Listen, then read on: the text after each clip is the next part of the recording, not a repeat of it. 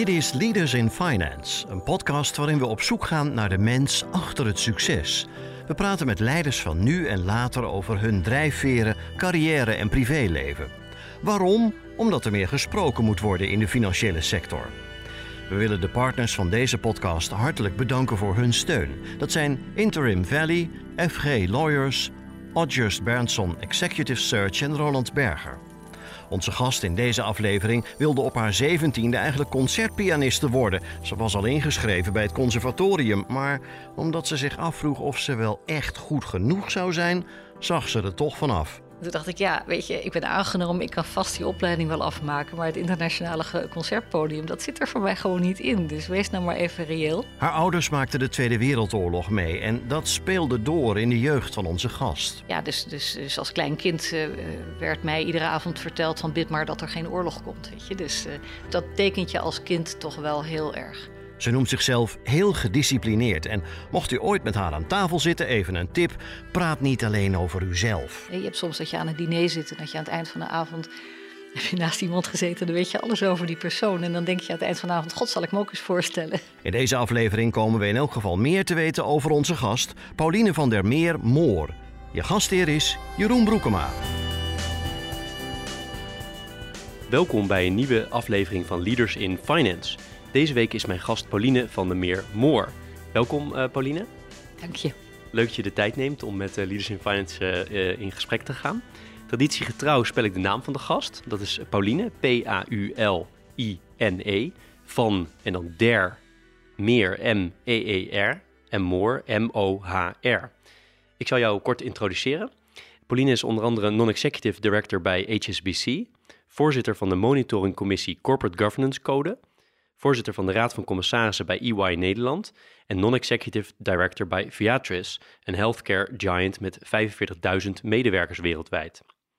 Pauline studeerde rechten aan de Erasmus Universiteit in Rotterdam, werkte voor meerdere grote Nederlandse bedrijven, waaronder De Brouw, Shell, meer dan 15 jaar, TNT en ABN AMRO en als bestuursvoorzitter van de Erasmus Universiteit. Ook is Pauline voormalig commissaris bij ASML en DSM. Verder is ze op dit moment adviseur bij de Hoge Raad bij de Nederlandse Bank en bij de Autoriteit Financiële Markten. Zoals gezegd, Pauline is non-executive director bij HSBC. En voor de luisteraar die die bank niet goed kent, hierbij een paar kentgetallen over deze bank. Met als speldatum 31-12-2020. De bank heeft meer dan 50 miljard dollar omzet, is actief in 64 landen, heeft meer dan 40 miljoen klanten, een balanstotaal van 2,9 trillion, zoals ze in het Engels zeggen, of in het Nederlands biljoen. En klanten hebben de bank meer dan 1,6 biljoen aan spaargeld toevertrouwd. Ongekend groot. Pauline is 61 jaar, is getrouwd, heeft vier kinderen en woont in Den Haag. Nou, ik zei kort, maar dit is, kort, want het kan nog veel langer, want je doet ongelooflijk veel verschillende dingen. Uh, een van de dingen in mijn voorbereiding die ik vaak tegenkwam, is dat je, dat je ook een duidelijke mening hebt over uh, duurzaamheid en waar het naartoe moet met de wereld en waar we ook staan als, als wereld. Misschien kunnen we dat eens een beetje, een beetje afpellen, want dat vind ik heel interessant. Allereerst, uh, hoe ernstig is het met onze wereld gesteld? Nou, op het gevaar af, uh, Jeroen, dat dit een heel uh, somber verhaal gaat worden, uh, is het natuurlijk, ja, ik, lach er een beetje bij, omdat het helemaal niet mijn bedoeling is om een som, somber verhaal van te maken. Maar het is natuurlijk wel degelijk ernstig gesteld. Want alles wat je op dit moment ziet, is dat wij hard op weg zijn om de afspraken die we gemaakt hebben in het, in het Parijsakkoord, dat we dat niet gaan halen. En zo verschrikkelijk veel tijd om dat te doen is er niet. Hè? Dus we moeten echt wel gaan versnellen.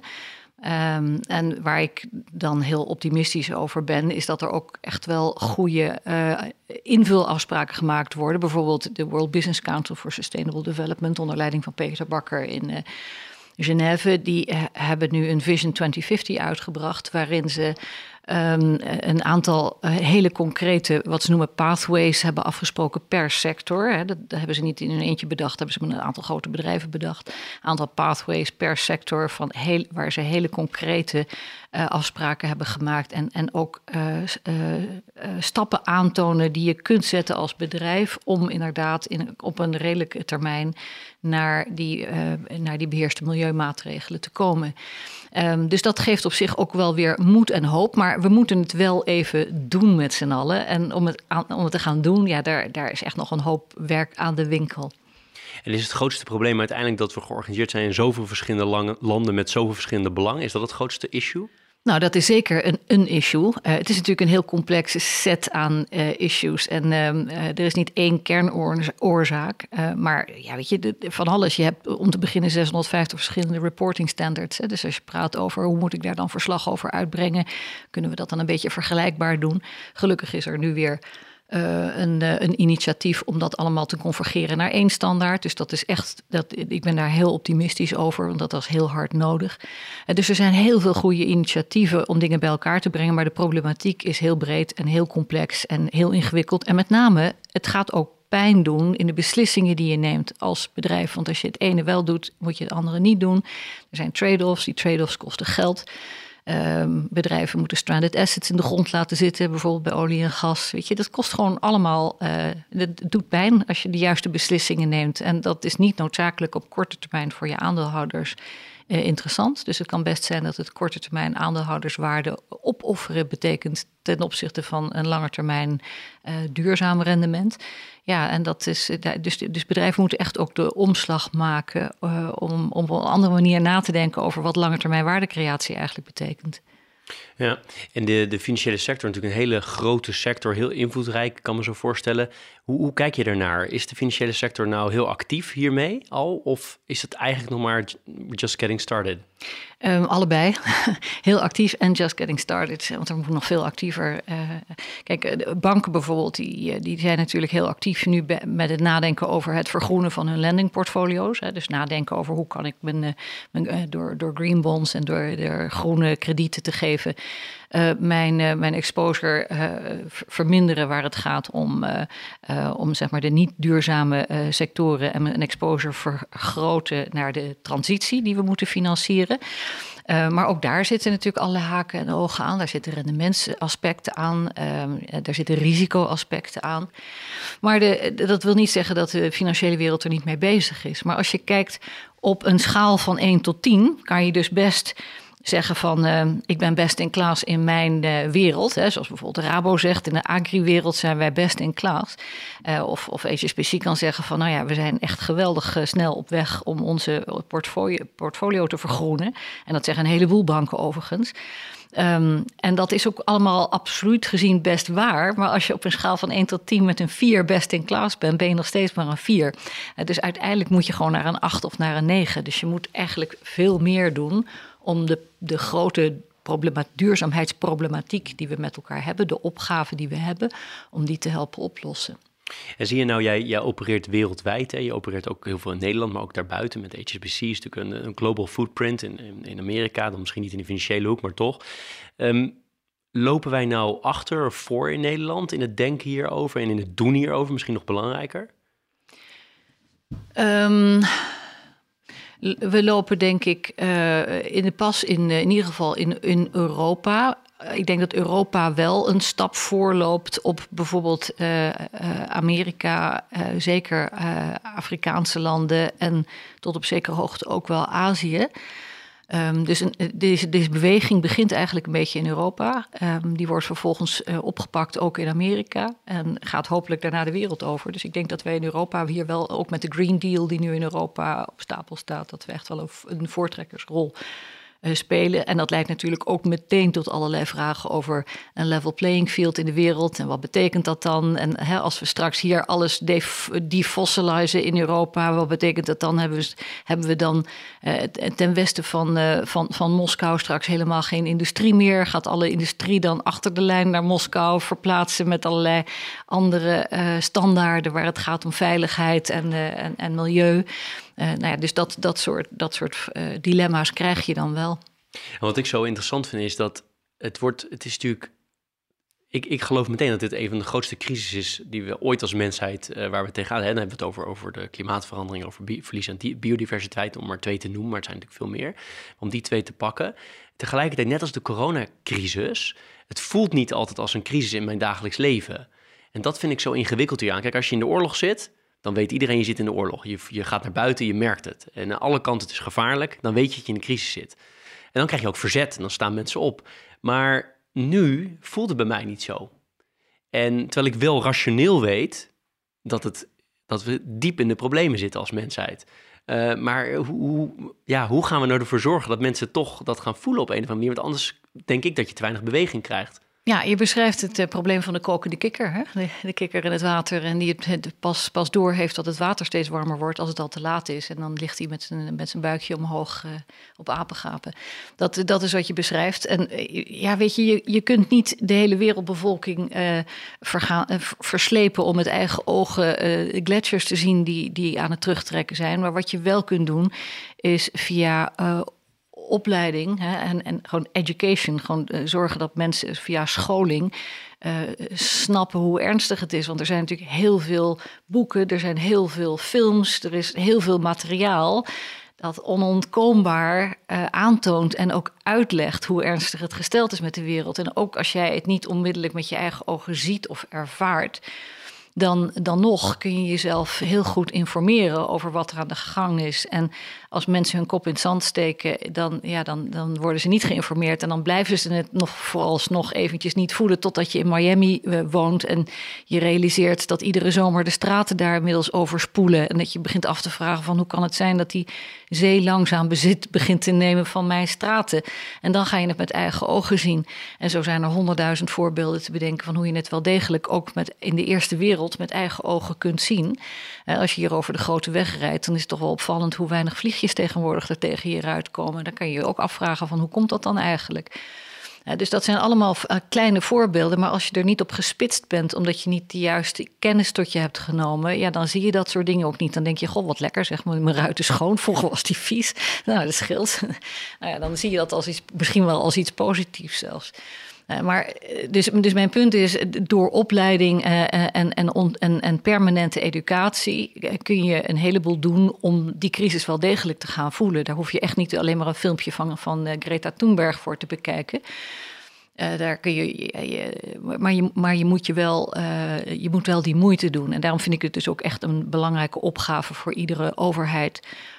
om het curriculum van scholen en universiteiten zo in te richten dat, uh, uh, dat je eigenlijk niet van, van school kunt komen zonder een basiskennis over biodiversiteit en klimaatverandering. Okay. En wanneer was, het bij jou, um, was er bij jou een moment dat je, dat je dacht van ik moet hier ook echt veel meer van weten en dat je echt besefte dit, dit is echt iets heel groots? Nou, eerlijk gezegd ook best laat in mijn, uh, in mijn carrière. Want op school was er bij mij helemaal nog geen aandacht voor. Um, dus voor mij is het denk ik uh, voor het eerst echt gaan leven in de tijd dat ik bij TNT werkte en uh, uh, voor Peter Bakker werkte, die daar echt heel veel van wist en ook heel erg activistisch, ook als CEO van TNT, al heel activistisch over was. En die later natuurlijk naar Genève is gegaan en daar echt zijn werk van gemaakt heeft. Um, en um, ja, die zorgde ook echt dat zijn medewerkers, um, dat, dat het onontkoombaar was. Dus die stuurde zijn medewerkers ook gewoon met het Wereldvoedselprogramma mee en, uh, naar Afrika om gewoon op studiereis te gaan, tien dagen. En, en mee te gaan naar, naar afgelegen gebieden waar, waar het World Food Program actief was. Dat was gewoon onderdeel van zeg maar, het management development van, van, van TNT in die tijd. En daarom vond ik het ook zo leuk en zo inspirerend om daar te werken. Uh, dus dat is wel de eerste keer dat ik daar echt uh, goed over ben gaan nadenken. En, um, uh, en, en, en, vanaf dat moment heb ik mezelf daar als een spons gelaafd aan alles Toen wat er aan kennis was. Um, ja, dat is ook best alweer een tijdje geleden. Even na te denken, begin 2004 of zo, 2003 ongeveer in die tijd. Ja, 20 jaar geleden of zo, ja. Ja, nou, dat is toch alweer een tijd geleden. Nu is het natuurlijk heel erg, er zijn heel veel mensen mee bezig. Maar, uh, ja. Ja. ja, maar hij was echt een voorloper. Hij was echt een pionier. En daar werd ook een beetje lacherig over gedaan. Dan heb je Peter Bakker weer met als een fluffy gedoe. Uh, en daar werd ook in de corporate wereld best lacherig over gedaan. Maar hij was bloedserieus. En ik zag hoe serieus en hoe gedreven hij was. En toen dacht ik van ja, dit is een hele intelligente jongen. Die weet, weet heel goed wat hij doet. En als hij het zo belangrijk vindt uh, om zijn, al zijn medewerkers daar ook helemaal van te doordringen... Um, dan, dan, is daar, dan wil ik daar meer van weten. En vanaf dat moment ben ik me er ook echt goed in gaan verdiepen. En sindsdien heb ik ook een beetje een, een ESG-profiel uh, als, als, uh, ook als non-executive uh, opgebouwd. Hij had eigenlijk best veel lef dus. Hij had ontzettend veel lef. Hm. Ontzettend veel lef. Hij ging totaal tegen de, tegen de wind en tegen de stroom in. Ja, dan moet je dus maar durven. En dan moet je dus ook heel zeker van je zaak zijn. Ja. Ja. Um, switchen naar, naar een van je, misschien wel je, je zwaarste toezichtsrol bij HSBC. Um, ik noem natuurlijk niet voor niets een aantal getallen. Het is ongelooflijk groot, bijna uh, onmetelijk groot voor mij om te bevatten. Hè? Dat soort getallen die we, die we net hoorden. Um, jij bent er een van de, van de commissarissen. Hoe overzie je dat als commissaris? Je bent ook niet executive involved, dus je moet het allemaal hebben van spullen die naar jou toekomen, informatie die naar jou toekomt. Hoe overzie je zoiets? Ja, nou, ik heb bij HSBC de waarde leren kennen van een hele goede corporate governance structuur. dus je moet je, je governance zodanig inrichten dat je op alle fronten. Um, je, je, hebt, natuurlijk niet op detailniveau overzicht, maar je kunt wel.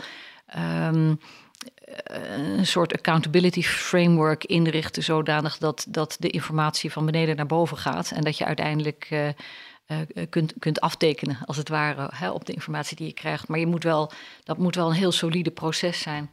En um, uh, daar kijkt de, de regulators ook, hè, die, die kijkt er naar. Overigens, de, wet kijkt er ook naar, want je bent als, als non-executive, zeker als je commissievoorzitter bent, dan zit je onder, in Engeland onder een soort verhoogd liability uh, regime. Dus je, je, je moet dan ook aantoonbaar in control zijn. Uh, dus die, die governance systemen die zijn zodanig uh, gedetailleerd ingeregeld dat je, uh, dat je via een soort bottom-up systeem alle informatie aangereikt krijgt en dan op het hoogste niveau van abstractie uiteindelijk in de boord terecht krijgt. Maar ja, op detailniveau hou je natuurlijk nooit, en dat, ja, dat, dat kan ook niet, maar je moet wel je systemen en je processen zo inregelen dat je een, wat, je, wat ze dan een sustainable control environment hebt. Kan je dit werk nou veel beter doen omdat je nu zoveel toezichtservaring hebt? Ja, absoluut. Ja, dat had, ik, dat had ik nooit als eerste, uh, als eerste board kunnen doen. Geen sprake van. Heb je voorbeelden van wat, wat, wat voor dingen dat zijn waarvan je zegt... ja, dat wist ik toen echt niet. Of ik wist niet dat het zo ging. Of... Nou, het heeft ook te maken met dit, dit kon ik misschien toen niet. Of hè, bijvoorbeeld, ik, ik ben voorzitter van de remuneratiecommissie van, van HSBC. Nou, kan je vertellen dat de voorzitter van de remuneratiecommissie van een grote bank, dat is niet echt een sweet spot. Dat is niet, uh, ik zou het niemand aanraden. Hè, want dan word je dus, ik heb bijvoorbeeld vorig jaar, vlak voor de coronacrisis, was ik een keer uitgenodigd door een parliamentary select committee, zoals dat dan heet. Dus dat is zeg maar een, een groepje parlementariërs die dan onderzoek doen naar een bepaald onderwerp. En die dan even banken aan de tand gaan voelen. En dat gaat dan heel erg op zijn Engels. Dat uh, gaat redelijk onderuit de zak. Dat, uh, daar is het Nederlandse parlement buitengewoon beleefd bij vergeleken. Uh, en dan word je dus gewoon uitgenodigd en dan word je even aan de tand gevoeld over bepaalde onderwerpen. In dit geval ging het over, uh, over uh, executive pensioenen. En nou ja, dan zit je daar dus met, met vertegenwoordiger, met, je, je collega van een andere bank en een CEO van een andere bank. En ik en, en, en een collega van, van de bank zaten daar met z'n vieren voor zo'n Parliamentary Select Committee. En werden we twee uur lang totaal gegrild. Uh, over, een over dat onderwerp. En uh, ja, weet je, dan op dat moment moet je er wel gewoon staan. Nou, dat had ik twintig jaar geleden niet, niet gekund en ook niet gedurfd, heel eerlijk gezegd. En kan je wat andere pointers geven? Want jij bent natuurlijk uh, zo'n ervaren toezichthouder. Wat maakt nou een goede toezichthouder? en een toezichthouder bedoel ik dus nu niet de, de AFM of de DNB, maar de toezichthouder op, de, op de RVC. Ja, nou, ik denk dat je, um, uh, dat je in ieder geval rust en overzicht moet hebben. Um, dat is het allerbelangrijkste. Als je, uh, als je geen overzicht hebt, dan raak je in de details verzand. Als je geen rust hebt, dan ben je, uh, dan ben je een paniekzaaier. en dat is het laatste waar het management op zit te wachten. Een, een, een toezichthouder die paniek zaait, daar worden ze heel, zelf ook heel onrustig van. Uh, dus je moet, je moet er zijn, je moet uh, lean in. Je moet, er, je moet niet alleen maar achteroverleunen, maar je moet er echt zijn. En je moet je management uh, ook werkelijk niet alleen challengen, maar ook werkelijk ondersteunen. zeker als het spannend wordt, dan is er niet zo erg voor het management als een afwezige boord die nergens te vinden is. dan, is dan wordt het heel erg eenzaam voor, voor, voor het management. Dus je moet er dan ook werkelijk zijn om samen met je management de, de strijd te vieren, te, te voeren. Um, dus rust, overzicht, eh, er, er zijn uh, om niet alleen maar te challengen, maar ook te supporten. Um, natuurlijk moet je strategisch zijn, want je hebt altijd een uh, achterstand als het gaat om informatie. Je hebt altijd minder informatie dan het management. Dat moet je realiseren. Dus je moet in staat zijn om met veel minder informatie toch een strategische discussie te kunnen meevoeren. Um, en, en dan zijn er natuurlijk een heleboel uh, ja, persoonlijke vaardigheden die belangrijk zijn. Maar daar heb je ook vooral een diversiteit nodig rondom de tafel. Dus ik breng bepaalde dingen die anderen weer niet brengen. En anderen brengen dingen die ik weer niet breng. Dus, en je hebt natuurlijk een hele grote diversiteit aan kennis en achtergrond nodig rond die tafel om het totaal te kunnen overzien. Maar is het dan ook zo dat uiteindelijk een, ehm, jij noemt een van de punten er zijn en ook als het wat, wat slechter gaat dan ook er zijn, anders het kan snel eenzaam worden voor de top van die organisatie. Ehm, heb je ook heel ander soort commissarissen nodig in, zo'n, in een organisatie die echt een heel zwaar weer zit dan in een, een organisatie die meer going concern is? Ik zeg altijd, commissaris zijn is heel makkelijk als het goed gaat. en het kan ook heel erg lastig zijn uh, als het slecht gaat. Um, want als het heel goed gaat, ja, dan kan je er gewoon zijn. Je leest je stukje, je stelt een keer een beleefde vraag. Je gaat weer naar huis en je zegt aan het eind van de dag succes met de uitvoering en het management runt de zaak. Maar ja, daar, daar zit je natuurlijk niet voor. Je zit er met name ook voor als het een keertje niet goed gaat. Ja, en dan, uh, dan worden de bokken van de schapen gescheiden. En dan, dan moet je ook wel het karakter hebben om uh, niet weg te lopen of even onder tafel te zitten. Of zoals ik het noem, in de Image Protection Program te zitten. Want er zijn een heleboel, zijn een heleboel commissarissen toch in mijn uh, uh, ervaring die, die, die toch wel erg bezorgd zijn voor hun reputatie en hun imago. En dat als het een keertje echt spannend wordt, dat ze, dat ze dan plotseling niet meer zo'n grote mond hebben. Um, en um, ja, daar heb je dus als bestuur helemaal niks aan. Want bestuur heb je juist iets aan commissarissen die de grote lijnen in, in, in, uh, in zicht houden, maar ook met name steun bieden en een goed klankbord bieden. En als het nodig is, ook gewoon de kogel vangen voor je CEO. Hè? Wat, wat mij zo lastig lijkt, is dat je, volgens mij kun je er altijd meer tijd in steken. Ja. Waar, waar, leg jij nou de grens? Want je kunt natuurlijk altijd meer stukken lezen. Als je wil, kan jij 60 of 80 uur per week HSBC-stukken lezen. En dan blijven er nog voor een paar honderd uur over. Maar waar leg jij de grens ja. van, dit doe ik wel... Want je kan er ook geen 60 uur per week aan besteden. Want je doet ik nog besteed er 100 dagen per jaar aan, even dagen. voor je gevoel. Ja, ja. ja, dus bijna, het klinkt bijna executive, maar, ja, toch maar is waar leg je niet. de grens? Ja, nou ja, bij 100 dagen per jaar dus. okay, maar... ja, tenzij je in een enorme crisis komt, want dan gaat het je toch nog meer kosten. Uh, je, je, je, je, gaat ook een commitment aan hè, voor, een, voor een bepaalde minimum tijdsbesteding. Dat gaat bij banken best ver. Je moet echt een, een soort boekhouding overleggen aan je regulator om goedgekeurd te worden voor zo, dat soort functies. Je hebt ook jaarlijks een gesprek, zeg maar een APK-keuring met je regulator. En daarin komt die boekhouding ook iedere keer weer aan de orde. Van heb je voldoende tijd? En dat gaat echt op uren. Hè, van hoeveel uur besteed je per jaar aan deze klus en aan deze klus en aan deze klus. Ik heb er nu ook weer een andere klus bij. Ik ben net door de minister gevraagd om uh, onderzoekscommissie uh, samen met een collega Roelof Konterman uh, onderzoek te doen naar het faillissement van verzekeraar Conservatrix. Dat kost dan ook weer wat tijd en dat moet je dan dus ook meteen weer melden aan, aan de regulators. Van denk eraan, ik heb deze cluster bij. En dan moet je dus toch weer het gesprek aangaan van hoeveel tijd heb je dan nog over voor uh, voor de bank in dit geval. Uh, dus dat, dat luistert vrij uh, nauw. En um, ja, je hebt dus gewoon een budget aan, aan, aan tijd. En op een gegeven moment als het budget op is, ja, dan, dan moet je ook een beetje. Je moet op een gegeven moment ook ergens een grens stellen. Want het is precies zoals je zegt, voordat je het weet, word je, word je een executive en ga je op de verkeerde stoel zitten. Ja, dat is interessant. Als het gaat om persoonlijke relaties tussen RVC-leden, maar ook met het bestuur. Hè, of het nou bij Viatris is, of bij, bij EY, of bij HSBC, of waar dan ook. Ben je daar heel, besteed je daar veel tijd aan? Al die mensen echt goed te leren kennen, maar ook misschien zelfs persoonlijk te leren kennen? Uh, ik hou het een beetje op afstand met, met opzet. Uh, want ik vind het zelf altijd van nature heel leuk om mensen persoonlijk goed te leren kennen. Uh, maar ik ben me ook heel erg van bewust dat je als commissaris ook werkgever bent. En dat je dus op moet passen dat je niet te close en te vriendschappelijk wordt met je, met je management. Want er kan een dag komen dat je ze moet ontslaan. En ja, weet je, dat is heel vervelend. Maar dan, dan wil je niet te close zijn. Dus ik hou altijd wel een beetje een professionele afstand. Um, en dat leg ik ook uit, want als mensen denken van, uh, kunnen we beetje niet... Uh, een beetje kil misschien. dan zeg ik, ja, dat kan misschien zo overkomen, maar er zit verder niks achter. Ik bedoel, in een ander leven zouden we heel gezellig met elkaar... En, en we hebben ook gezellige diners met elkaar. Maar dan nog hou ik een beetje professionele afstand. Want um, ja, weet je, ik ben me gewoon heel erg bewust van het feit dat je die, die rol hebt te spelen. Uh, en dat is gewoon een vennootschapsrechtelijke rol. En die wil ik niet vermengen met, uh, met, met persoonlijke banden. Dus ik zou ook nooit een commissariaat uh, accepteren van een bedrijf waar ik de CEO te goed ken. En de RVC-leden? Uh, ja, daar, mede, daar, ja, heb je daar, wel daar, uh, ja, daar heb je wel veel. Ja, je reist natuurlijk ook met elkaar. En uh, weet je, het is ook, die, die commissariaten zijn vaak ook een beetje reizende circus-tenten. dus je gaat dan nou, bijvoorbeeld met elkaar naar een fabriek ergens in de binnenlanden van, van Brazilië of zoiets dergelijks. En dan zit je rustig acht uur met elkaar in een klein busje. Ja, dan leer je elkaar wel kennen. En is dat belangrijk? Om elkaar ja, vind echt, ik wel. Ja, ja, ja, absoluut. Met name wanneer? Als het nou ja, met spannend name wordt, als het spannend ja. wordt. Hè, dat je even begrijpt van waar, eh, waar komt die ander vandaan? Eh, wat is zijn of haar referentiekader? Hoe kijkt hij, hij of zij naar dingen? Eh, waar maakt hij zich zorgen over? Eh, ja, dat is wel fijn om dat een beetje te weten. Eh, en, en ook verschillende culturen. Hè? Als je met mensen uit Australië, Singapore, Amerika... en dan Amerika is een groot land, dus hè, de verschillende kanten van Amerika...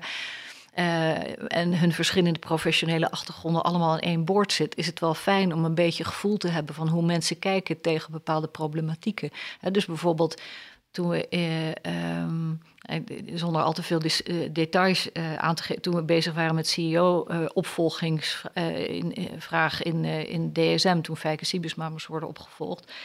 Ja, dan, dan, we hebben uiteindelijk gekozen voor een co-CEO-model. Maar dat had al best wat discussie, met name bij de Amerikanen in de board. Want die, die waren dat niet gewend. Hè. Die werken volgens het model van hè, single point accountability. Hè, one neck to choke, zeggen ze dan. Eh, Dus daar, daar was best wat discussie voor nodig... voordat dat ze zover waren dat ze dit als een, als een interessant model konden zien.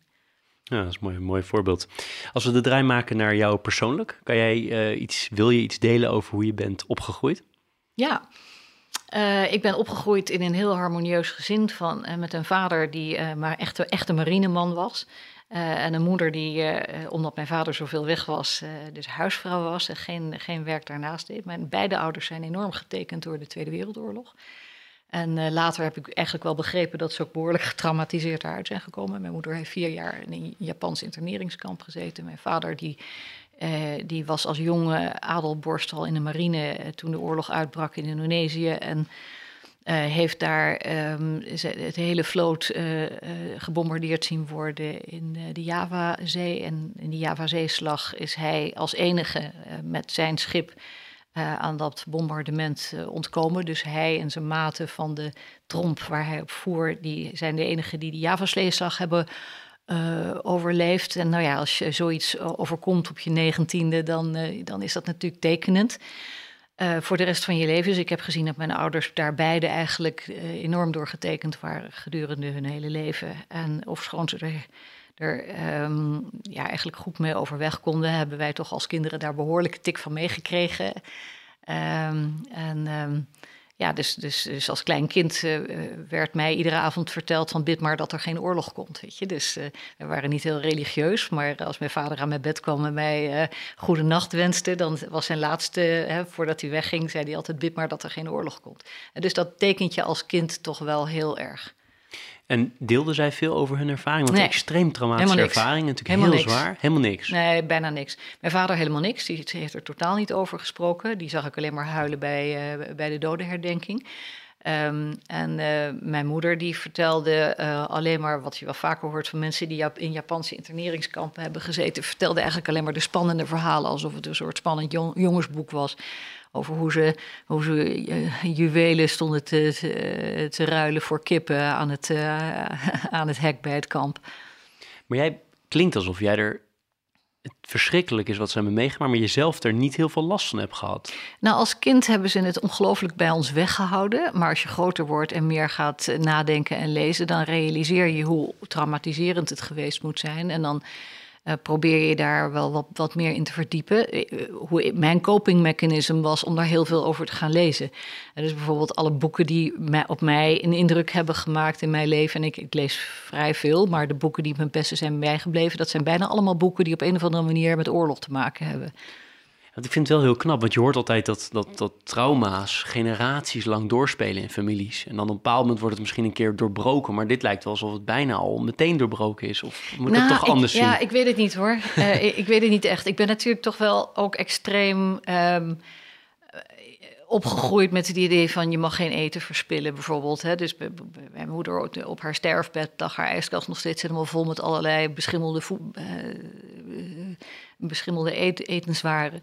Eh, en ook, eh, ik gooi gewoon geen eten weg. Ik zal gewoon niet verspillen. Ik bedoel, ik eet liever een rotte banaan dan dat ik hem weggooi. Dus in die zin heb ik wel degelijk een tik van de, de molen te pakken. En mijn kinderen die hebben dat ook nog een beetje. Hè. Dus, dus bijvoorbeeld mijn, mijn moeder die was eh, die heel, is heel veel bij ons thuis geweest toen onze kinderen jong waren. Dus die kinderen die kregen die verhalen natuurlijk ook mee van haar. Dus die die hebben ook al vrij jong geleerd dat je ongeveer als je echt honger hebt, dat je dan alle, alle dieren wel kunt eten die je, die je aangereikt krijgt. Behalve de witte reiger, want die is echt niet te eten, die smaakt te tranig. Dus toen wij, toen wij klein waren, uh, toen mijn kinderen klein waren en wij met de kinderen naar Indonesië gingen op reis, en toen zagen ze overal van die witte reigers zitten in de bomen. Uh, het, het Maleise woord ervoor is een blokok. En um, dus mijn kinderen zagen die beesten zitten. En die zijn die kleine wurmpjes die dan naar boven kijken en zeggen: Kijk, kijk man, dat zijn, dat zijn blekoks, die kan je niet eten. dus die kleine kinderen die krijgen dat dus ook al mee. Dus, dus traumatisch uh, nee, maar, maar ze hebben er absoluut lessen van geleerd. En leren je ouders jou praten over je gevoel? Mijn moeder wel, en mijn vader niet. Ik kon dat niet. En dus je hebt het wel meegekregen en dus ook weer doorgegeven, dat aspect. Ja, absoluut. Ja. En ik, heb, uh, ik las dat je tot je zeventiende uh, pianiste wilde worden, klopt dat? Ja, klopt. Maar wat, wat is er gebeurd ja, wat niet was, gebeurd is? je moet op een gegeven moment moet je, moet je een keer in de spiegel kijken en zeggen van ben ik nou echt goed genoeg voor een leven als concertpianist? En als je, ik had me ingeschreven op het conservatorium, ik was ook aangenomen, dus dat is allemaal helemaal mooi. Uh, en één dag voordat de universitaire inschrijvingsdatum sloot, ik, uh, werd ik wakker en keek ik in de spiegel en dacht ik van, ga ik dit echt doen? Want ik heb nog nooit een internationaal concours gewonnen. Ik had wel prijzen gewonnen op Nederlandse concours, maar dat ook nooit een, zeg maar de hoofdprijs. Wel zeg maar aanmoedigingsprijzen. En toen dacht ik, ja, weet je, ik ben aangenomen, ik kan vast die opleiding wel afmaken, maar het internationale concertpodium, dat zit er voor mij gewoon niet in. Dus wees nou maar even reëel. Uh, en toen heb ik even heel hard gehuild. En vervolgens is mijn verlies genomen. En toen zei mijn vader: Nou, weet je wat, ga gewoon lekker rechten studeren. Daar kan je alle kanten mee op. En dat heb ik toen maar gedaan. Dus, ja. dus hij heeft het eigenlijk bedacht? Hij heeft het bedacht en ik ben er inderdaad alle kanten mee opgegaan. Heb je, heb je broers en zussen? Ik heb één jonger broertje. Oh ja. ja. En um, jouw, jouw achternaam is prachtig. Ik heb er een beetje over gelezen, maar kan je kort zeggen waar het, waar het vandaan Ach, komt? dat is allemaal niet zo spannend. Er was ooit een keer een meneer van der Meer en een mevrouw Moor, of andersom, dat weet ik niet meer, ergens in de, de 18e eeuw of zo. En die zijn met elkaar getrouwd. Die hielden allebei zo van hun naam dat ze ze aan elkaar geplakt hebben. Maar wel hier ook in Den Haag, geloof nee, ik. Nee, in Goes. in Goes. Nee, nee mijn ah, voorouders waren rechters in Goes. Oké, ja. okay. oh, dat heb ik dan verkeerd. Ja. ja. Grappig. Um, en ik was benieuwd naar, uh, ik, ik, hoor een aantal dingen die je meegekregen hebt in je, in je jeugd. En die, dat ene onderwerp, discipline, is volgens mij wel heel belangrijk ja. hè, voor jou. En dat, ja. komt, dat kwam denk ik van je ouders. Ja, van mijn vader natuurlijk ook. Die was natuurlijk, uh, hij was eskadercommandant. Dus, uh, dus ja, de discipline is er bij mij met de paplepel ingegoten. Ben je dan ook heel streng voor jezelf? Ja, voor mezelf strenger dan voor anderen, denk ik.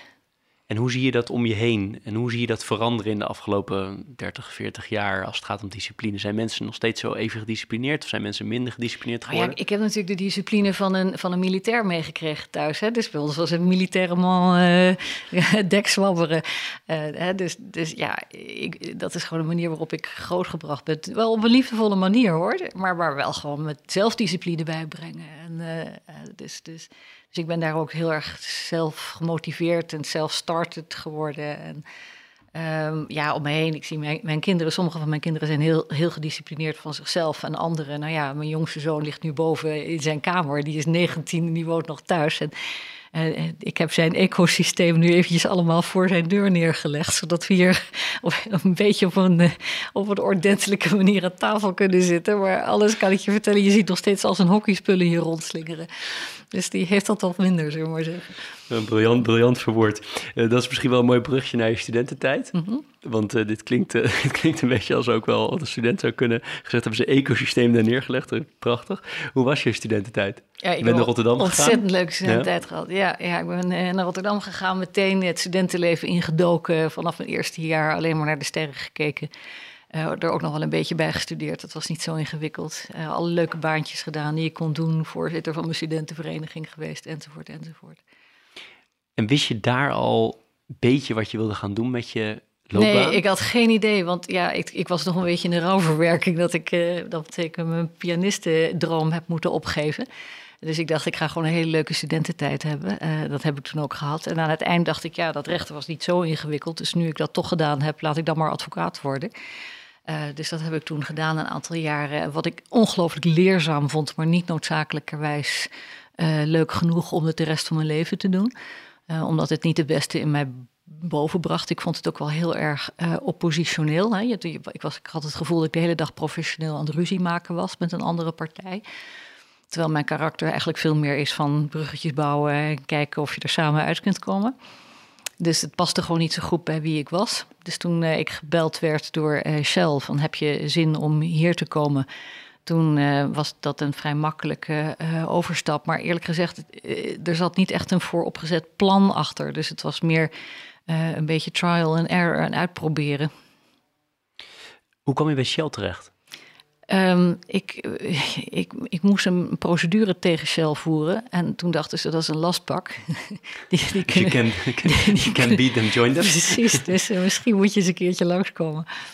Ja. ja, zo is het echt gelopen. Ja, ja echt. Ja. En dan ben je dus lang gebleven? Ja, Tenminste, wat lang, 15 jaar. 15 jaar. Ja, um, ja, daar heb ik echt mijn, eh, mijn uh, formative years uh, doorgebracht. Ja. Hoe, hoe, was dat daar? Ja, fantastisch. Ik vond het een geweldige werkgever. Ik vond het interessant omdat olie en gas, net zoals eerlijk gezegd de financiële wereld, dat zijn de twee werelden die de economie draaiend houden. He, zonder energie stopt de economie en, en zonder financiële dienstverlening stopt de economie ook. Dus daarom vind ik die twee sectoren ook zo ontzettend boeiend. Ik vind het ontzettend boeiend omdat het geopolitiek ongelooflijk interessante vraagstukken met zich brengt. Het is heel complex, het is heel strategisch. Dus ja, ik hou gewoon van grote, lastige, strategische, complexe organisaties waar geopolitieke vraagstukken uh, in, in de kern staan van, van, van de bedrijfsvoering. Dus ik ben niet zozeer in de moleculen geïnteresseerd, maar wel de geopolitiek. En uh, wat ik heel leuk vond daar is dat ik heel snel um, de gelegenheid kreeg om in een multidisciplinair team grote deals te doen. Dus ik, kwam daar, ging daar de M&A-kant in, hè, de, de fusie- en overnamekant in.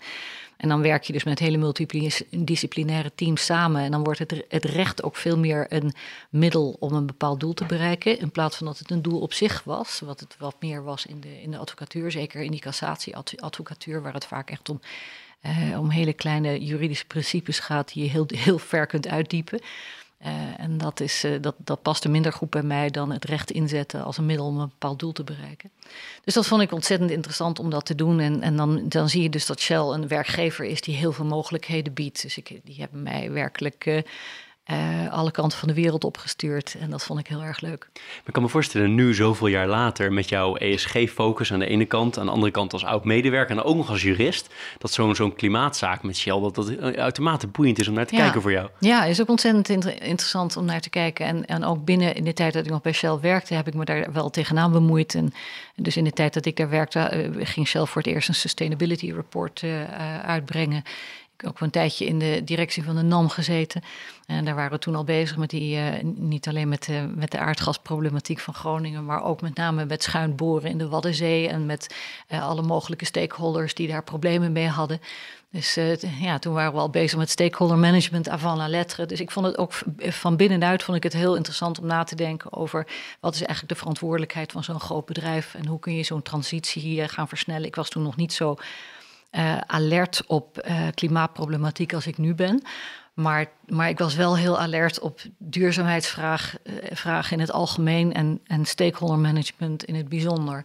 Dus, uh, dus daar heb ik heel veel aan kunnen doen binnen Shell. Dus dat vond ik ook heel interessant. Zijn die duivelse dilemma's voor dit soort organisaties? Zulke grote organisaties, zoveel impact, maar ook vanuit de overheid en vanuit de, vanuit de, de rechterlijke macht.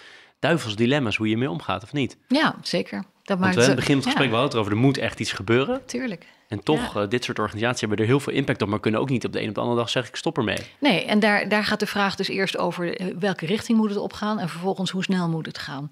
En de richting die het op moet gaan, dat duurt al een hele tijd voordat alle neuzen dezelfde richting in staan. En dat iedereen zich realiseert dat je toch een zekere transitie moet gaan faciliteren. Want ja, weet je, zolang je je geld nog verdient met fossiel en zolang de vraag nog heel groot is naar fossiel. En zolang je denkt van ja, als ik het niet doe, doet iemand anders het wel dan uh, is het best lastig om die mindset shift te maken naar uh, ik moet toch die transitie gaan faciliteren.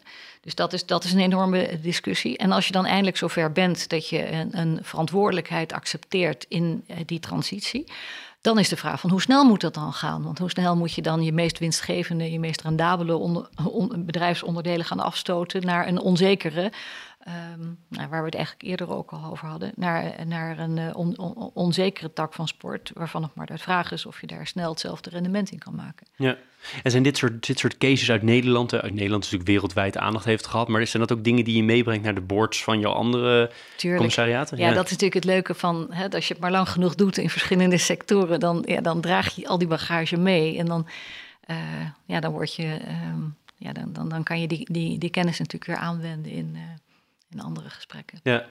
Wie zijn nou voor jou echt heel invloedrijk geweest? Ehm, even los van je, je ouders. Peter Bakker noemde je, volgens mij is dat nou, er Peter één. Bakker heeft echt mijn denken over duurzaamheid uh, een, een, enorme uh, opdonder gegeven. Die heeft me echt uh, op een, ja, die heeft gewoon 180, die heeft me echt wakker geschud. Die heeft me echt, echt aangezet, zullen we maar zeggen. Dus daar zal ik hem ook eeuwig dankbaar voor zijn. Um, ja, weet je, ik heb gewoon een aantal hele interessante en hele uh, supportive en, en inspirerende bazen gehad. Uh, bij, bij Shell heb ik er ook een paar gehad. Maar eerlijk gezegd, ik heb ook met heel erg veel plezier voor Rijkman Groening gewerkt. Dat zeg ik ook maar eventjes. Daar ben ik niet overal even populair mee geworden. Maar dat blijf ik gewoon lekker toch zeggen. Ik zeg geen onaardige dingen. Um, Laat het vooral bij de waarheid houden. Ja, nou ja, weet je, ik, dat is een van de beste bazen. Misschien wel de beste baas die ik ooit gehad heb. Ja. Dat hoor je inderdaad niet vaak. Dus uh, nog andere mensen waarvan je zegt, die zijn echt heel invloedrijk op mij. Uh, voor mij misschien ook mensen die je niet kent. Ik bedoel, ik, je haalde eerder, eerder Greta Thunberg aan, misschien dat soort achtig om je wat schets. Maar zijn er mensen geweest die voor jou echt, denk van die, je bent heel, je komt tenminste over op alles wat ik lees over je als een heel onafhankelijk denker. Maar toch zal jij zo'n Peter Bakker die jou echt dan wakker geschud heeft. Nog andere? Mm. Waar je nu wel eens naar kijkt als voorbeeld van. Uh... Nou, ik, weet je, ik, ik ben een enorme learning junkie. Hè? Dus ik, ik leer van alles en van iedereen en van iedere bron. Dus, uh, um, dus ik, ik zou niet zozeer um, bepaalde mensen daaruit kunnen halen. Maar ik ben wel iemand die heel, veel, heel snel verbanden legt tussen alles. Dus, dus vandaag lees ik de Economist en morgen lees ik iets anders. En, en dan breng ik die dingen met elkaar in verband. En dan kom ik iemand tegen die dat dan. Die, dus ik, ik, ik denk en, en, en werk heel associatief. Um, en, uh, en, daar komen soms hele interessante, onverwachte uh, dingen uit voor. Dit, dit, weekend was ik in St. Gallen bij, op een board retreat. En daar zit ik dan ook weer met allemaal mensen in die zaal. Um, en de, de, gesprekken die je daar voert, die inspireren dan ook weer. Dus dat is. Het is niet, uh, niet zozeer terug te leiden tot, tot één of twee mensen. Maar iedere keer als ik weer gesprekken met inspirerende mensen heb. En gelukkig heb ik die vaak, omdat ik op zo ontzettend veel verschillende, verschillende plekken kom pik ik daar weer nieuwe dingen uit op. En door die dingen dan weer te verbinden met andere aspecten van, uh, van mijn werk, uh, kom je weer tot nieuwe inzichten. Het is een beetje? Het, het, die, en, en ik, dus ik hou enorm van nieuwe combinationen maken. Mooi, mooi. Recent sprak ik een raad van bestuurslid van uh, een van de grootbanken. Die moet nog online gaan, dus ik zal het niet helemaal specifiek maken. Maar die zei, um, ik heb in de loop van mijn carrière steeds meer respect gekregen, oog gekregen voor de activisten. Dat had ik vroeger niet zo. Ik werkte, uh, zij werkte bij grote corporates.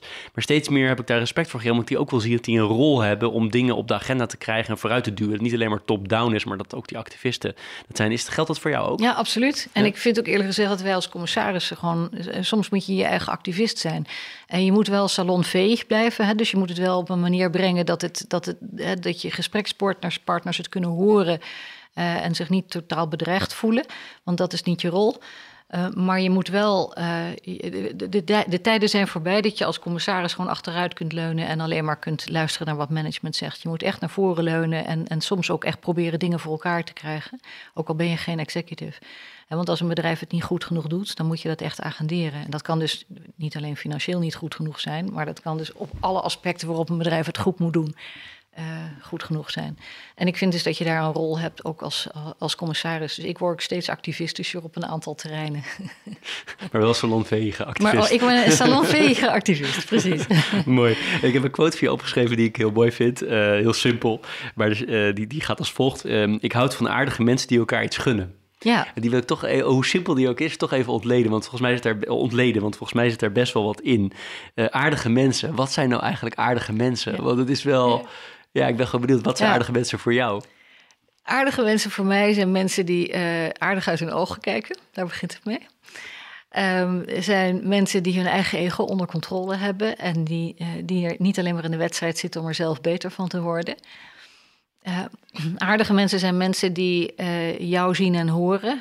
Um, en die niet alleen maar over zichzelf zitten te praten. Je hebt soms dat je aan het diner zit en dat je aan het eind van de avond heb je naast iemand gezeten, dan weet je alles over die persoon. En dan denk je aan het eind van de avond, god, zal ik me ook eens voorstellen.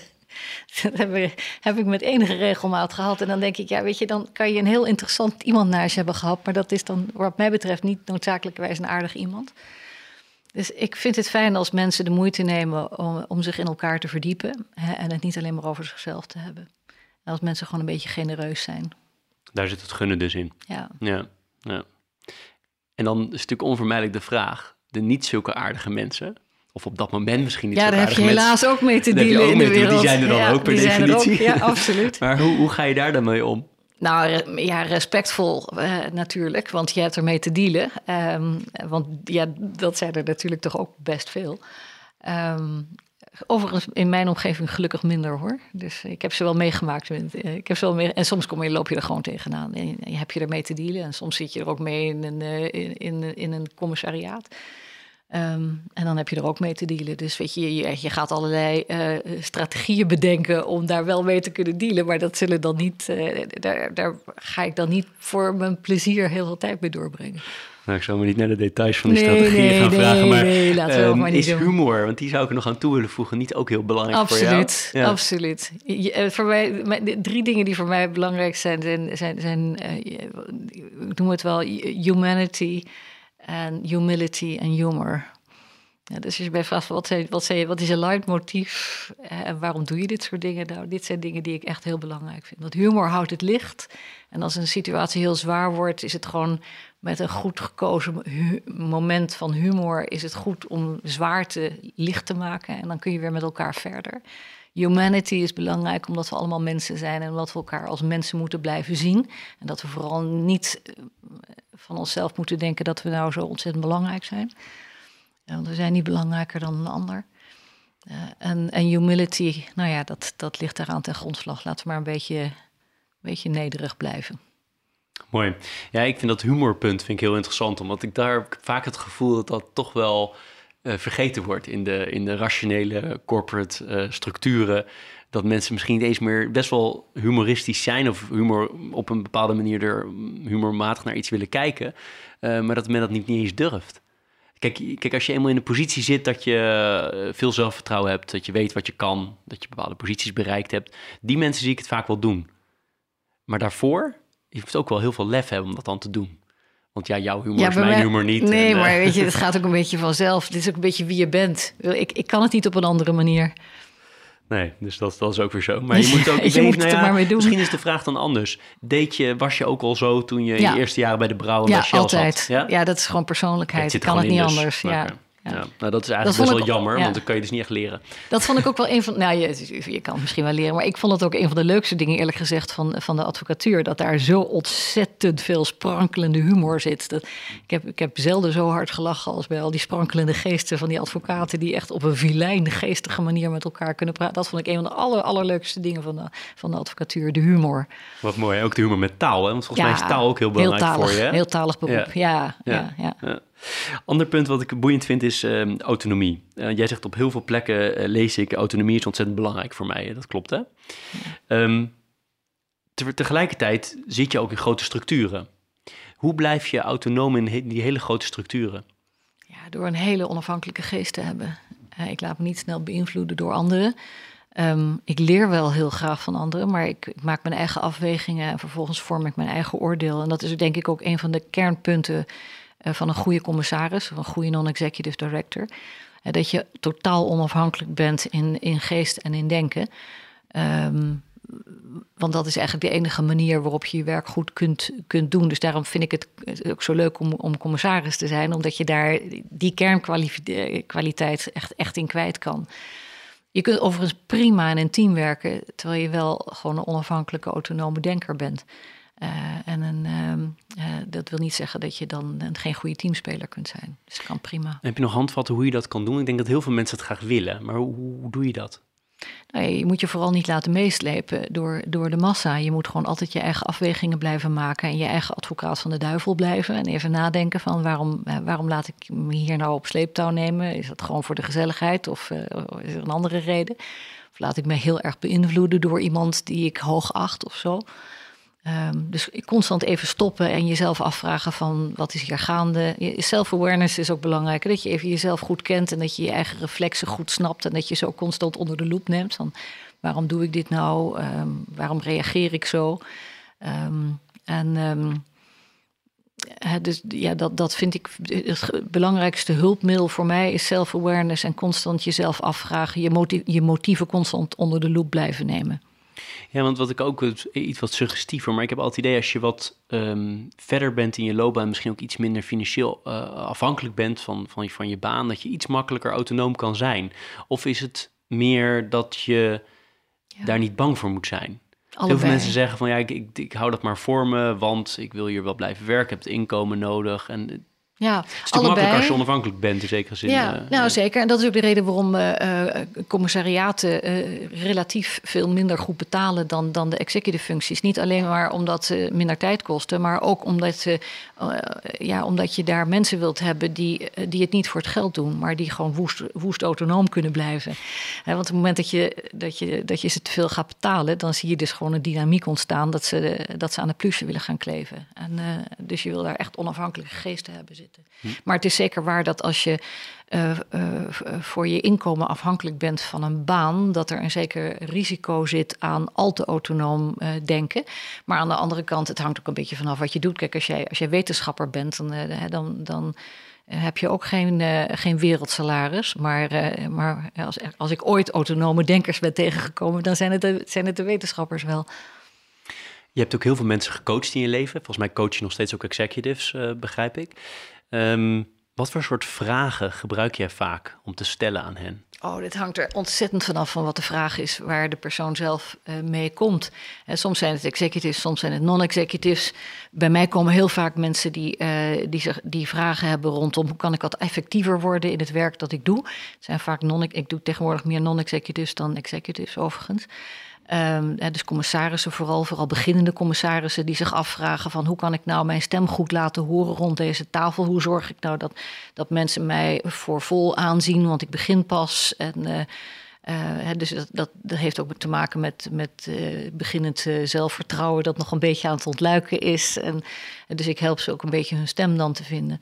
dus dat, dat is meestal het soort, het soort coachingswerk wat ik doe. Van, van wat voor soort vragen kun je stellen als beginnend commissaris om, um, om, ja, gewoon om effectief te zijn in de rol die je speelt en, en voor vol aangezien te worden.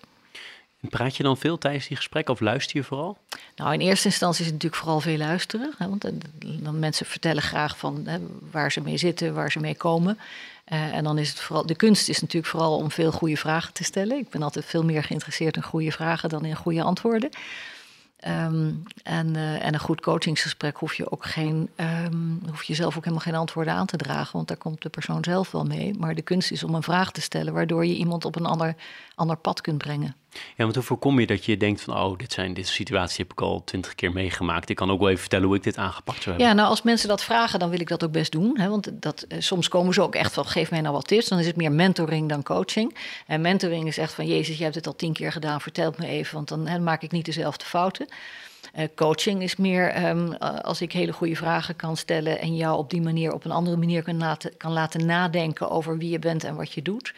Dat, de coaching vind ik, vind ik wel wezenlijk anders dan mentoring. Ik doe het allebei wel, maar het hangt een beetje vanaf wat de vraag is. Ja, dat is mooi, mooi onderscheid, die ga ik onthouden.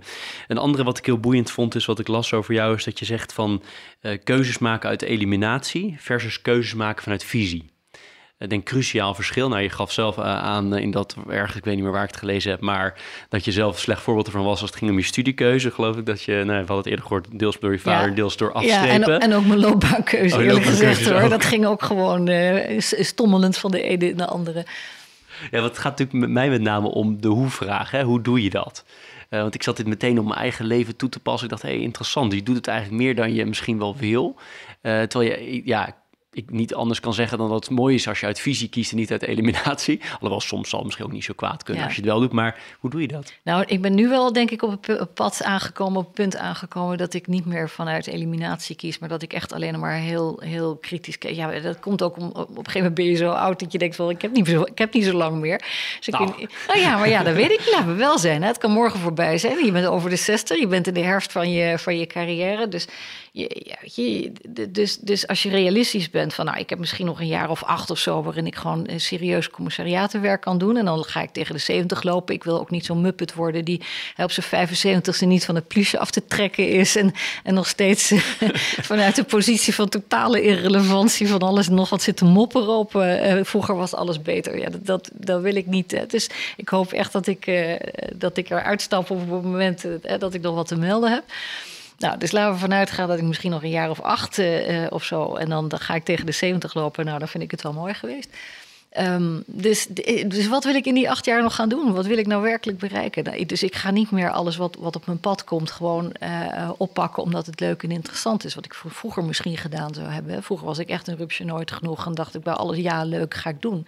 Daar ben ik nu wel veel kritischer in geworden. Dus ik, ga nu, ik pak nu echt alleen nog maar dingen aan waarvan ik denk hier kan ik echt wat bijdragen. Hier, hier, dit vind ik belangrijk. Ik kan er echt wat bijdragen. En de mensen die er zitten, die willen dit ook echt. En die kan ik helpen. Uh, en anders doe ik het niet. Maar had het jou ook geholpen, de, de 25-jarige, of ik weet niet wat, hoe oud je precies was, maar toen jij start met je, met je loopbaan, had het jou geholpen om meer vanuit visie dan vanuit eliminatie te denken? Had je een hele andere keuzes gemaakt? Ja, absoluut. Ik had natuurlijk veel beter moeten nadenken over wie ik was en wat ik eigenlijk wilde en wat ik kon en wat ik probeerde te bereiken. Ik ben gewoon echt. Uh, ik ben toen echt met, met, met hele naïeve grote ogen overal ingestapt. Waarvan ik dacht, dit lijkt me leuk of dit lijkt me logisch of dit komt op mijn pad. Dat is wel heel mooi. Ja, dat is ook heel mooi. Dat is ook, in die, op die leeftijd is dat ook eigenlijk heel mooi. Maar als ik dat nu, no, nu nog doe, dan, dan ben ik een beetje naïef voor mijn leeftijd. Nou ja, dat, gaat een beetje naar de vervolgvraag die ik aan alle 70 mensen heb, uh, heb mogen vragen. Namelijk, heb je tips voor mensen die starten op de arbeidsmarkt? En vooral in de financiële sector, maar mag ook breder. En dat gaat hier ook naartoe natuurlijk. Van, je, kan, je kan heel veel manieren het aanvliegen. Maar wat zijn er dingen waarvan jij zegt, dat zou ik toch willen meegeven aan mensen die starten? Ja, neem nooit een baan die je niet leuk vindt. Daar, zou daar, begint het volgens mij. Doe geen dingen omdat je denkt dat het moet, of omdat dat de buitenwereld vindt dat het moet, of omdat iemand tegen jou zegt van uh, dat is de, de, de, logische verwachting. Doe het alleen als je het echt leuk vindt, want anders dan ga je gewoon, dus gewoon zonde van je, van je tijd. Um, en uh, ja, weet je ik, ik, ik denk altijd, met, je, je komt er wel. Als je jezelf meebrengt, als je jezelf echt in de strijd gooit en je maakt de keuzes waarvan je denkt, die passen bij mij nu voor eh, in deze fase van mijn leven. Er kunnen allerlei redenen zijn waarom je niet op een bepaald carrièrepad wil zitten of wil blijven. Of waarom je andere keuzes wilt maken, waarom de life choices je ergens toe nopen als er iets gebeurt. We hebben altijd gezegd, we hebben gelukkig vier hele gezonde, leuke, gebalanceerde kinderen. Maar als er iets was geweest met een van die kinderen, dan hadden wij andere keuzes gemaakt. Dus je kunt het niet helemaal voorspellen, het is allemaal niet zo maakbaar. Dus uh, laat het ook maar een klein beetje gebeuren. Waar ben jij zelf het meest trots op uh, tot nu toe? Dan wel privé, dan wel zakelijk of allebei? Nou, dat ik vier mooie kinderen gebalanceerd op de wereld heb gezet. Die gewoon heel goed in hun vel zitten. En die ongelooflijk leuk en, en, en lief zijn. En, uh, en, uh, en allemaal hun eigen talenten aan het ontwikkelen zijn. En aan het ontdekken zijn. Dus dat is by far hetgene waar ik denk ik het meest het meeste trots op ben. Ik ben, niet zozeer, ik ben niet zo snel trots op dingen die ik zelf bereik. Ik ben wel dankbaar voor, dingen, voor kansen die ik heb gekregen. Maar trots ben ik echt op onze vier, uh, vier grote schatten. Mooi, prachtig. En zakelijk toch iets waarvan je zegt, als ik toch nog daar een beetje op door mag zeuren, door mag drammen, is er iets waar je zegt, nou, daar ben ik toch eigenlijk wel echt wel heel trots op dat ik dat mede gerealiseerd of alleen gerealiseerd heb? Nee, ik ben niet zozeer trots op dingen die ik realiseer, echt niet. Want ik realiseer me heel goed dat het maar uh, gedeeltelijk je eigen, uh, je eigen talent is en dat er een heleboel gewoon zwaartekracht bij komt kijken. En, en dat je dingen ook gewoon echt met elkaar doet en dat heel veel dingen ook door door kansen die je geboden worden afhankelijk zijn. Dus, dus ik, ik, wil daar, ik wil daar geen successen claimen. Maar uh, ik heb wel ongelooflijk veel interessant werk mogen doen. En, en nog steeds. En, uh, dus ik ben vooral heel erg dankbaar voor al die kansen. Ja, vooral dankbaar dus. Ja, ja. ja. We hebben op 90% eh, van het interview een uh, 80, 90% altijd een pleaser en een teaser. Uh, aan de teasende kant heb ik opgeschreven, als we teruggaan naar helemaal naar het begin van het gesprek, hè, de duurzame transitie die we moeten maken, daar zei je, gaf je zelf ook aan, en daar ben ik het helemaal mee eens, dat, je, dat er ook pijn geleden zal moeten worden. Het is niet alleen maar positive choices helaas, we moeten ook hier en daar dingen niet doen of anders doen en dat, dat kan soms pijn doen. En mijn teaser is te weinig leiders, mag je op jezelf of op CEO's of wie dan ook uh, plakken, um, die, die leiden ook zelf die pijn in hun dagelijkse doen en laten. Dus voorbeeld, uh, op jezelf of breder vliegen wel de hele wereld rond. Hè? Je zou kunnen zeggen, nou dat moeten ze dan ook maar niet meer doen. Of juist wel, ik, ik weet het niet. Hè? Maar de teaser is, executives zouden zelf ook meer moeten laten zien wat ze niet doen. Ook een beetje pijn moeten leiden. Uit het idee van dat leidinggeven uiteindelijk toch is het goede voorbeeld geven. Ben, ja. je, ben je het daarmee eens of ja, daar ben ik, ja, daar ben ik het wel mee eens, eerlijk gezegd. Dat is helemaal een slechte teaser dit. En waarom? Ja, weet je, uh, omdat het uh, heel makkelijk is om andere mensen de maat te nemen of om dingen uh, op op je eigen organisatie te, te plakken en, en, en daar zo in te richten dat het de organisatie pijn doet, zonder dat je daar zelf ehm, een stukje mee leidt. het is skin in the game, noemen ze dat. Is, is, vind ik wel belangrijk. En ja, dat is natuurlijk lastig, want ja, jeetje, ik woon ook in een prachtig huis hier. En uh, uh, ik heb ook een eh, auto voor de deur staan en ik pak wel zoveel mogelijk de fiets. Maar hoe groot is die pijn nou eigenlijk? Uh, en ik geef ook aan goede doelen, maar hoe groot is die financiële pijn nou eigenlijk? Eet ik er een boterham minder onder? Nee. Dus hoe ver moet je dan gaan zonder dat je dan een soort zelfkastijding hè, gaat, gaat toepassen? Want dat vind ik nou ook weer niet nodig. Hoe doe je dat? Want dat is wel interessant. Um, nou ja, daar worstel je natuurlijk dagelijks mee. Hè? De, dus kijk, wij, wij leiden, leiden geen, in ieder geval voor zover ik nou ja, laat, ik het zo. Ik heb niet het idee dat wij een heel uh, overdreven leven leiden. Ik bedoel, wij geven niet ongelooflijk veel geld uit aan dingen. We hebben geen dure boten en zo. maar maar uh, dus, dus ik ben best voorzichtig met, met, met, met, zeg maar de footprint. Dus daar denk ik, ik denk daar in ieder geval over na. Um, maar zou ik kleiner kunnen gaan wonen? Ja, zeker. Zou ik de auto weg kunnen doen? Vast wel. Zou ik, uh, zou ik mijn footprint nog verder kunnen verkleinen? Absoluut. Dus ik zoek zeker naar mogelijkheden om dat te doen. Um, maar zou ik meer kunnen doen? Ja. En het knaagt dus eigenlijk altijd en permanent dat je altijd meer zou kunnen doen dan je doet. Ja, want mijn vrienden zeggen altijd best toepasbaar volgens mij ook hier. Van ja, je hebt vier kinderen. Nou, dat geldt voor jou ook. Uh, en, je vliegt ze nu en dan. Dus dit zijn eigenlijk de twee slechtste dingen die je kan doen vanuit milieuoogpunt. Hè? En voor je het weet word je ook weer heel negatief. Zo, ja, je mag dit niet meer, je mag dat niet meer. Dus het, is wel heel lastig. Hè? Want aan de andere kant wil je het voorbeeld geven. Ja, je wilt het voorbeeld geven, maar je wil ook niet een soort carbon offset mentality gaan krijgen. Van ik heb nu vier kinderen. En, en, hè, dus ik heb eigenlijk mijn, uh, mijn units al verbruikt. dus dat moet ik dan ergens anders gaan zitten terugverdienen. Ik wil, ik wil ook niet als een boekhouder gaan nadenken over het feit dat we ervoor gekozen hebben om vier uh, kinderen te krijgen. Uh, en dan denk ik, ik hoop heel erg dat die kinderen ook een positieve impact kunnen hebben op de wereld. En ik hoop zelf dat ik via mijn werk dan ook nog een positieve impact kan hebben op de wereld. Maar ik ben het absoluut met je eens dat je niet alleen maar moet praten en moet preken. Uh, maar dat je zeker ook het goede voorbeeld moet geven. En het feit dat je dus constant met die, uh, met die cognitieve dissonantie eigenlijk moet leven, uh, is, is al pijn. Dat, dat is op zich al pijn. En het feit dat je je ervan bewust bent en jezelf steeds weer die vraag stelt, is, is denk ik een, een, een, voorwaarde. Ja. Nou ja, misschien moeten leiders er ook wel meer open over zijn. leiders in de hele samenleving, of nou in de private sector of in de publieke sector. Maar dat ze ook echt aangeven, dit zijn dingen die ik ook echt niet meer doe. Uh, want ik denk wel dat als ze dat gaan doen, hè, al zijn het maar kleine dingen, dan heeft dat heel veel waarde. Uh, vanuit ja. symbool, uh, de, ja. de symboliek die daarmee ja. mee komt. Dus ja. en ik nou zie, dat ik ben, zie ik nog weinig. Ja, ja. Nou, ik, ben, ik ben bijvoorbeeld op die reden ook op, zo goed als gestopt met het eten van dierlijke producten. Want nou ja, dat is dan een heel klein dingetje, want het is maar één oh, iemand, maar goed. Hè? Maar dat, dat zijn dus dingen die jij misschien wel meer moet uitdragen. Eh, of jij, maar andere leiders. Want dat is volgens mij wel heel erg wat nodig is. Dat mensen ook zien van ja, het is niet, uh, ze doen het ook echt zelf. Want als je zelf die pijn voelt, en daar komt deze teaser natuurlijk zeer uh, subjectief door mij opgesteld vandaan. Aan de pleasende kant stellen we altijd dezelfde vraag, namelijk heb je bepaalde boeken, lees je graag, heb je bepaalde boeken die jou erg geïnspireerd hebben of die je graag cadeau doet of anderszins? Ja, ik ben een ontzettend boekenworm. En het is grappig, want die vraag had je me gesteld van tevoren, dus ik heb er even over nagedacht. En toen dacht ik van wat zijn nou de boeken die mij het meeste hebben uh, gevormd en, en geïnspireerd en beïnvloed. En dan eh, kom ik eerlijk gezegd toch weer terug bij het begin van ons uh, gesprek. Um, en want dat zijn, ik ben de boeken eens een keertje op een rijtje gaan zetten. En toen dacht ik, god, dat zijn eigenlijk allemaal boeken die op een of andere manier met de oorlog te maken hebben. Dus toen ik jong was, las ik de dagboeken van Etty Hillesum, las ik Primo Levi, Is dit een mens? Las ik uh, Victor Frankl, Man's Search for Meaning. En in mijn studententijd las ik Nien Cheng, Life and Death in Shanghai, over de culturele revolutie. Um, en uh, onlangs nog heeft Richard Flanagan, een uh, Australische auteur, de Booker Prize gewonnen met een prachtig boek over de Burma-spoorlijn, The Narrow Road to the Deep North.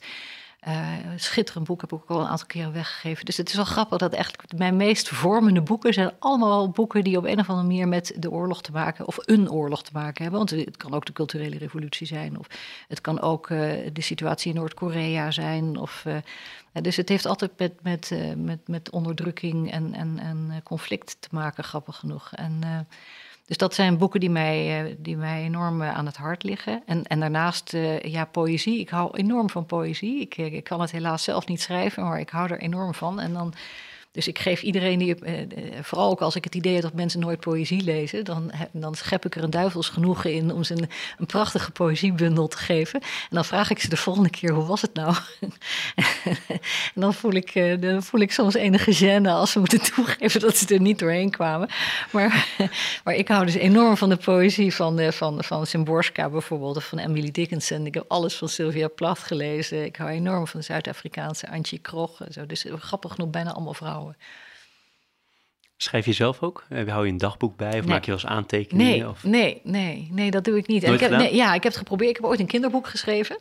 En, dat is uh, uitgekomen? Nou ja, dat is natuurlijk een pijnlijke vraag. Want, uh, want uh, ik heb daar natuurlijk, zoals zoveel beginnende auteurs, mee geleurd bij allerlei uitgevers. Die het vervolgens allemaal met hele beleefde of wat minder beleefde briefjes terugstuurden. Hoe lang geleden is dat? Oh, dat is al heel lang geleden. Toen had ik zelf kleine kinderen. Toen dacht ik, ik ga een kinderboek schrijven voor mijn kleine kinderen. Die kan ik dan voorlezen. Dus ik heb het ze inderdaad al voorgelezen. En ze waren heel beleefd dat ze het leuk vonden. Maar uh, de uitgevers dachten daar anders over. En verder nooit meer geschreven dus? Nee. Want je vindt taal wel heel mooi en je, je, bent heel taalvaardig. Heel mooi hoe je dingen verwoordt. Dus op zich zou dat misschien wel Ja, weet je, ergens broeit het ook nog wel eens. Ik heb ook nog wel eens met een uitgever gezworen. Misschien moet ik nog eens een keertje zo van uh, de oma, oma vertelt... van de wijze grijze lessen of zo gaan opschrijven. Maar... Nou, voordat dit uh, te uitgebreid wordt, maar ik zal je toch nog één ding daarover zeggen. Dan, ik heb het idee dat er, een, dat er podcasts moeten komen met kinderverhalen. Dus mochten er ooit kleinkinderen komen, is dat misschien ook wel leuk. Heel want leuk er is niks. Het is toch hartstikke leuk om te luisteren ook naar verhalen. leuk idee, Dus misschien ja. moet dat... Um, um, tot slot, als het gaat om het organiseren van jouw werk en privé nu, maar ook vroeger, toen jij met je man uh, jonge kinderen hadden, je bent ongelooflijk actief met ontzettend veel dingen. Want ik, ik, heb heel veel genoemd, maar is niet eens alles, uh, begreep ik uh, uit het voorgesprek. hoe doe je dat? Hoe manage je werk en privé? En Nou, ben je er ook al tevreden over geweest? Die, Nou, die vraagt ook ja, wel bij. Nou ja, nu is het niet zo moeilijk meer, want nu zijn de kinderen volwassen. Dus nu, eh, nu hebben we de tijd aan onszelf en kunnen we het gewoon indelen zoals we zelf willen. Maar inderdaad, in, de spits, in het spitsuur van het leven hè, met kleine kinderen, dat is natuurlijk de tijd waarin alle jonge ouders eh, met dat probleem zitten. En eh, ja, allebei fulltime werken is dan niet zo makkelijk. Ik, ik heb het grote voordeel dat ik getrouwd ben met een, een echtgenoot die eh, als kinderarts eh, ook wist wat het betekende om kleine kinderen eh, om zich heen te hebben. Dus die ook niet te, beroerd was om een luier te verschonen. En bovendien, die, we hebben gewoon vanaf het begin af aan een soort, altijd een 50-50 joint venture thuis gehad. We hebben allebei gewoon ieder de helft van de, van de zorgtaken op ons genomen. Dat ging heel natuurlijk. Ehm, dus, ehm, eh, dus dat was heel fijn.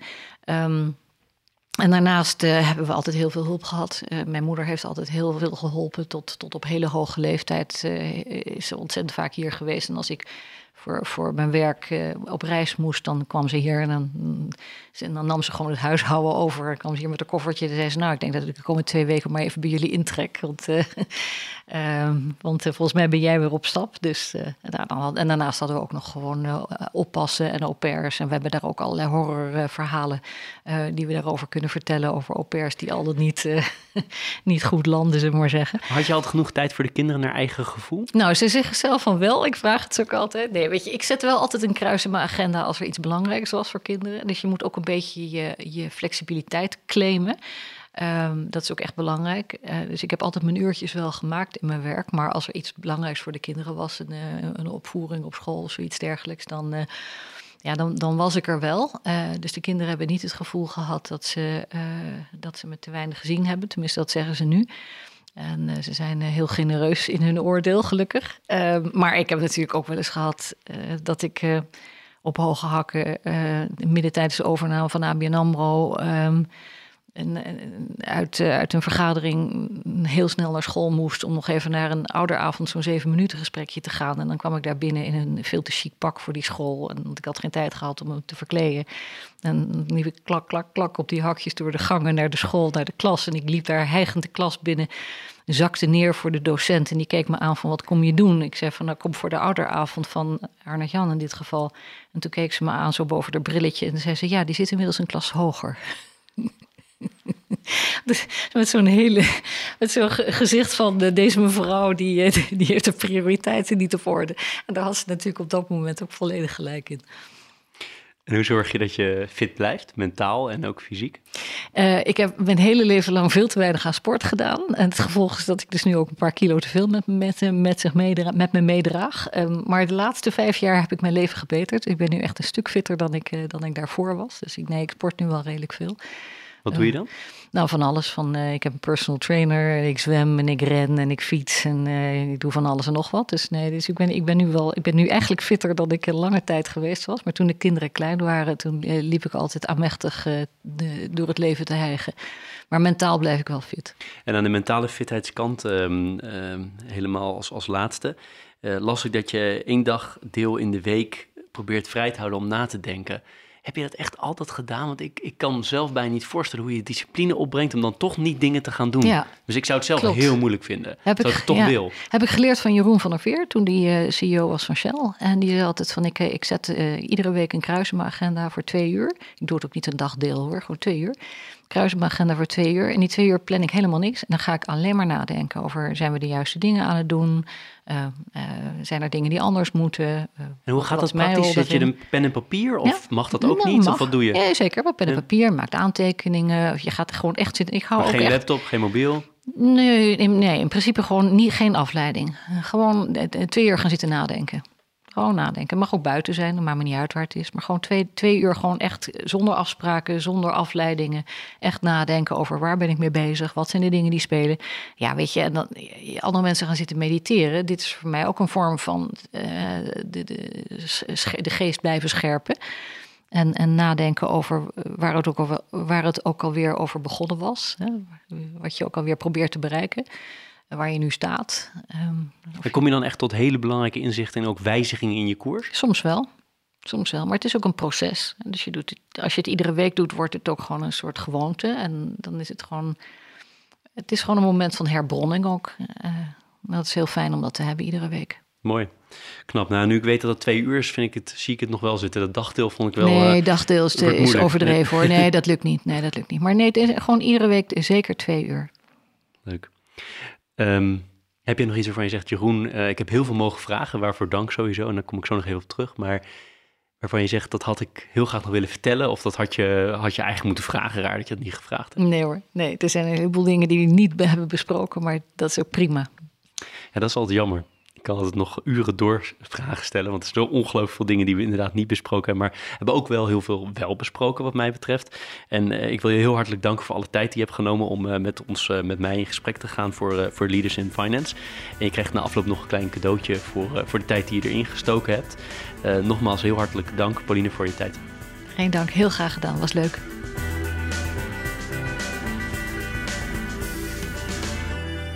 Dit was Leaders in Finance. We hopen dat je deze aflevering met veel plezier hebt beluisterd. We stellen je feedback erg op prijs. Wat houdt je bezig en over wie wil je meer horen? Laat het weten via een Apple of Google review. Dat kan ook via de sociale media kanalen of direct via een e-mail. We kunnen het enorm waarderen als je dat doet. Tot slot danken we onze partners voor hun steun. Dat zijn Interim Valley, FG Lawyers, Odgers Burnson Executive Search en Roland Berger.